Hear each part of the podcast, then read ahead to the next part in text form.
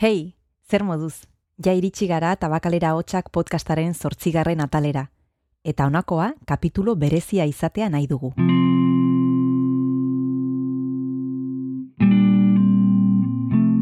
Bidaia honetan zehar, jende eta proiektu interesgarri asko ezagutu dugu.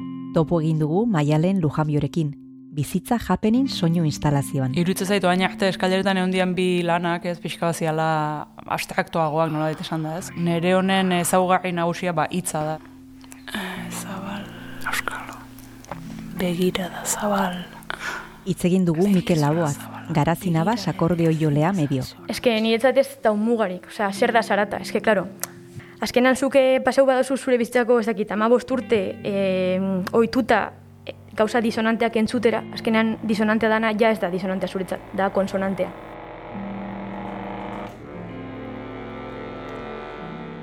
Ezagutu dugu dena egin eta konpondu daitekeen Media Lab laborategi hiritarra.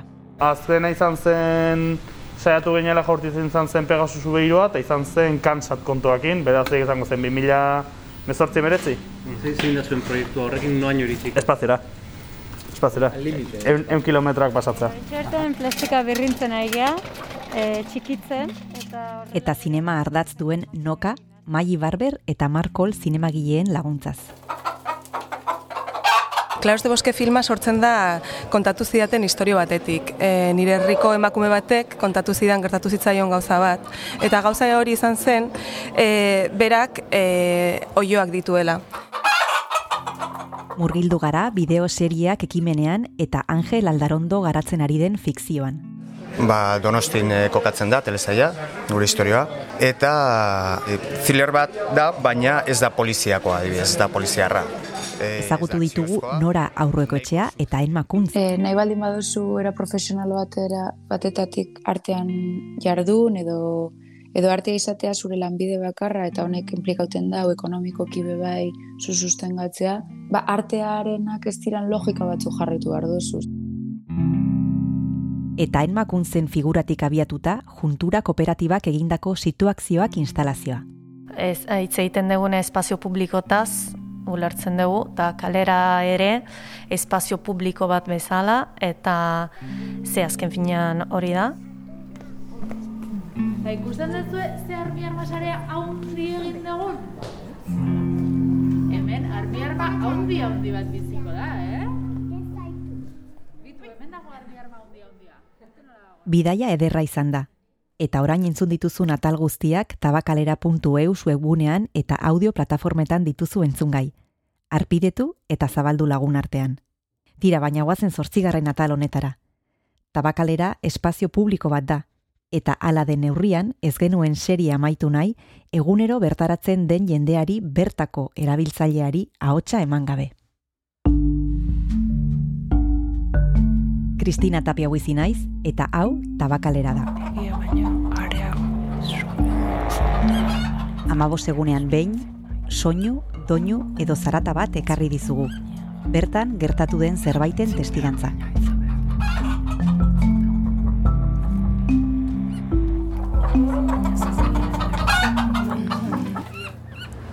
¿Qué tal? ¿Qué pasa, Gregor? Aquí estamos, ¿eh? Hola. ¿Cómo eso? Egunon. Tabakalera pareko etxe bizitzen aterpetan gaude. Goiz da. Eta Jose Luis Rebordinosekin jarri dugu itzordua. ¿Cuándo venís? Eh, ¿Cuándo el festival se traslada a este edificio, José Luis? Pues yo creo que hace ya como 5 o 6 años que vinimos aquí. No te sabría decir exactamente la fecha, porque yo sé que... Tabakaleran du zinemaldiak egoitza, eta goizero goizero bide bera egiten du bertako zuzendariak. El edificio como tal a mí me gusta, es decir, entraríamos en mil discusiones de si era mejorable, no era mejorable, pero bueno, ya son absurdas, ¿no? Pero bueno, es que aquí estamos juntos, la Filmoteca Vasca, el Festival de Cine, la propia Tabacalera, la Escuela de Cine, eh, Cine Euskadi, es decir, estamos mucha gente juntos eh, que nos cruzamos todos los días eh, en el bar, en las escaleras, que hacemos actividades juntos. Entonces yo creo que nos ha ayudado mucho a, a cambiar nuestra percepción de muchas cosas, ¿no? Goiz izan arren, kafetegian jende andana dabil goizeko kafeina dosiaren bila. Haietako bat izan oida rebordinos. Bueno, yo, yo soy un cafeinómano absoluto, es decir, es, ha sido la droga toda mi vida, la única droga, probablemente algo de alcohol me gusta, pero he sido muy, muy poco de drogas, pero realmente no he fumado nunca porque el humo me molestaba y me sigue molestando. Y, pero el café ha sido mi droga, es decir, yo he pasado noches y noches trabajando a base de jarras de café, ¿no? Y aquí tenemos la suerte que, que, no se moleste nadie, pero de todos los cafés que yo conozco en San Sebastián, este es el mejor. No voy a decir que es el mejor porque no los conozco todos, pero es un, el café que tienen aquí en la cafetería es impresionante. ¿no? Yo creo que es, tienen un, son unos locos apasionados del café y el mimo con que hacen el café, la calidad del café que tienen es impresionante. Entonces, yo disfruto como un loco. Yo soy de los que tomo café bueno, malo, frío, caliente, regular, todo, me lo meto todo.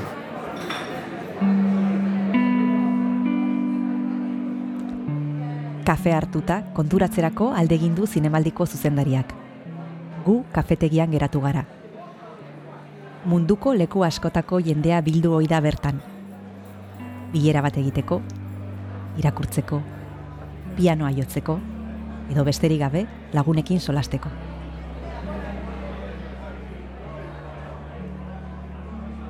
Barruko burrun batik atera eta terrazan eserita dago Carlos Vilches, psikologo kolombiarra. Mi nombre es Carlos Vilches, soy de Colombia y, y soy estudiante de doctorado. Zientziaren filosofian doktora dutza egiteko etorri zen Donostiara. Desde, desde hace bastante tiempo estaba interesado en, en estudiar en, en, este, en este programa de doctorado y hacer parte de este grupo de investigación.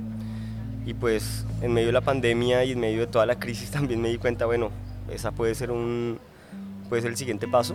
Si yo llegué cuando todo era, estaba cerrado, parecía una ciudad fantasma un poco. Pandemia betean etorri zen Donostiara, eta tabakalera bihurtu da bere inspirazio iturrietako bat, bere lantokia. Eh, me trae tabacalera la necesidad de encontrar espacios que sean inspiradores, que sean motivantes, que, donde me pueda sentir libre, ¿sí? Y siento que mmm, tanto la estructura, eh, no más esa, esa, ese escenario imponente y psicodélico con el que uno se encuentra cuando, cuando pasa este es el hall principal de, de, Tabacalera, desde acá, desde la cafetería, me parece inspirador. Entonces, eh, estoy acá para poder seguir trabajando en mi tesis. Izkin eta txoko asko ditu tabakalerak, eta Carlos Vilchesek topatu du berea. Habitualmente me meto en una de esas caseticas de, de, de Media Lab. ¿sí? Siento que tengo un pequeño espacio para mí, pues todos los recursos de electricidad para poder eh, mantenerme con tranquilidad, buena acústica. A veces también tengo reuniones con compañeros del doctorado, con mi tutor, eh, asesorías y, y, ese ha sido el, espacio, el mejor espacio. Se necesitan espacios de mucha creatividad y que esos espacios en los cuales uno está sumergido constantemente le permitan a uno ver cosas que normalmente no, no ve. ¿sí? Entonces, precisamente creo que, que Tabacalera son espacios que se vive mucha, mucha limpieza, digamos, de ruido, de limpieza de, eh, visual, y creo que eso permite que, que haya un hilo de inspiración para uno poder trabajar y concentrarse en lo que está haciendo. Bakean utzi dugu psikologo kolombiarra beste alde batera joateko. Hola, buenas. Hola, buenas. Estamos haciendo un reportaje sobre tabacalera para la radio. Tabakalera barrura, lehenengo solairura. Bertan topatu ditugu hiru gizon kartetan jolasean. El sitio estupendo, pero poco aprovechado. Sí. Sí, había que tener mucha más, más para educación un poco más, a, a los viejos a enseñar a algunos que no saben ni escribir, alguna cosita de esas. Y luego, pues esos juegos, que enseñar a jugar, poner concursos de concurso de MUR, de, de tute, de lo que sea, unos que, que traerían bastante gente más. Nada más. ¿Ustedes ahora qué están jugando? Nosotros, ahora la escoba y luego jugaremos al tute. Ahora que viene nuestro señor y jugaremos al tute.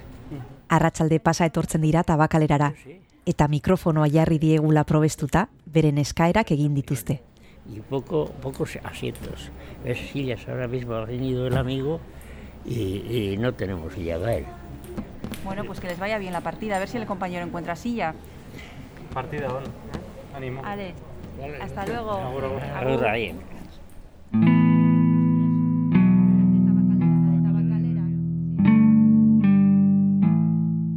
Askotarikoa da tabakalerako publikoa, eta maiontatik metro gutxira, mediala barruan, bi aur topatu ditugu xakera jolasten.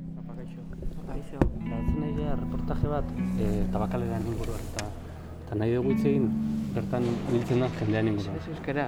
No. Ez dakizu euskara? Bi aurretako batek euskaraz daki, eta besteak ez. Eta lehenengo aldia da hemen geratu direnak. Ez, lehenengo aldea da. Bai? Bai. Abitu, kasualidad. Bai, bai. Eta zer xiak ezale amorratuak ala? Ez, osea, galdetu diotia jolastu nahi, nahi zuen eta esan dit, ba, venga. Baina nik ez nekien jolasten, así que... Askotan entortzate ona? Noizean behin, bai. Zerratik?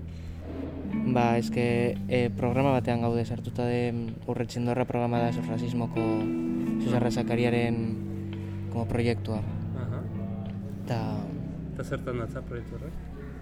ba, mentoria programa bat da. Nola, hemengo jendeak kanpotar, esa, kanpotar aurrekin juntatzen da ba, denbora pasatzeko, batik bat. Mhm. Gaur, gaur bezala? Bai. Bai. Egiten dugu ba, ez dakit. Jolasak edo pasatzen dugu edo kirola egiten dugu. Une batez konzentrazioa lapurtu badiegu ere, bagoaz. Beraiek xakera jokatzen segitu behar dute eta. Bueno, pues eso. Que tengáis una buena partida. Vale, gracias. Eskerrik asko. Agur, agur. Agur.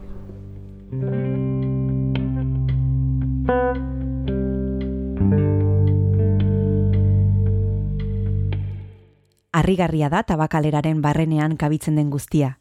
Erakundeak, zinemaldia, etxepare institutua, euskal filmategia, zinemak, erakusketa eta kontzertu aretoak eta bar luzea.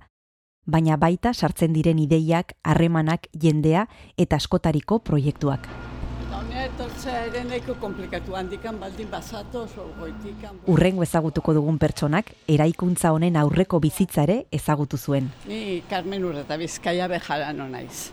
Donostiarra, jaiotzez, egian jaioa, oain dala urte pila, eta egian bizitua urte askotan, eta oain amaran bizi naiz. Nik ezagutu dut eraikin hau lantegia zenean, e, gure bizilagunak lanea zigarrera famatuak etortzen zirenean, eta tabakalerako erlojuak nola ala gure bizitza manejatzen zuenean. Adibidez, ni etxean behatzitako egon behar nintzen, gaztean nintzenean, eta tabakalerako erlojuak markatzen zituen orduak. Orduan entzuten bagenun tabakalerako erlojuak jotzen hasten zala, bat tximistak aidean, e, maldatik gora. Orduan tabakalera guretzat, bai, ni gaztean nintzenean oso presente egon zen. Eta orain, zertara etortzen da Carmen Tabakalerara? E, ni batez ere etortzen naiz zinemara eta erakusketak ikustea.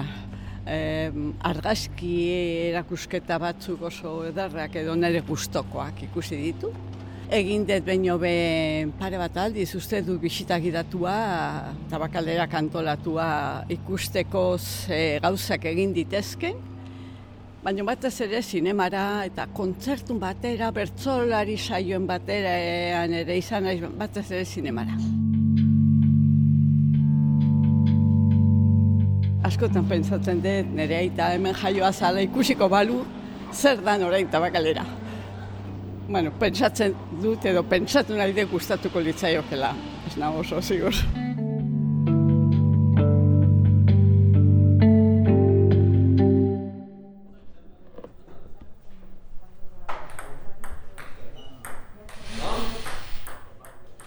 Carmen Urreta Bizkaia erabiltzailearen esperientziarekin amaituko dugu zortzigarren atalau. Iraganaztu gabe eta aurrera begira, era berean. Eta tira, pinpon partida bat ikusten ere bai. Pare bat lagun ditugu hemen aurrean pinponera jolasten. Eta haien soinuarekin agurtuko dugu tabakalera hotxak. Zortzi ale izan dira eta esan bezala tabakalera eusen eta audio plataformetan dituzu entzungai. Arpidetu eta zabaldu lagun artean. Plazerra izan da zuekin denbora hau partekatzea. Beste bat arte entzule.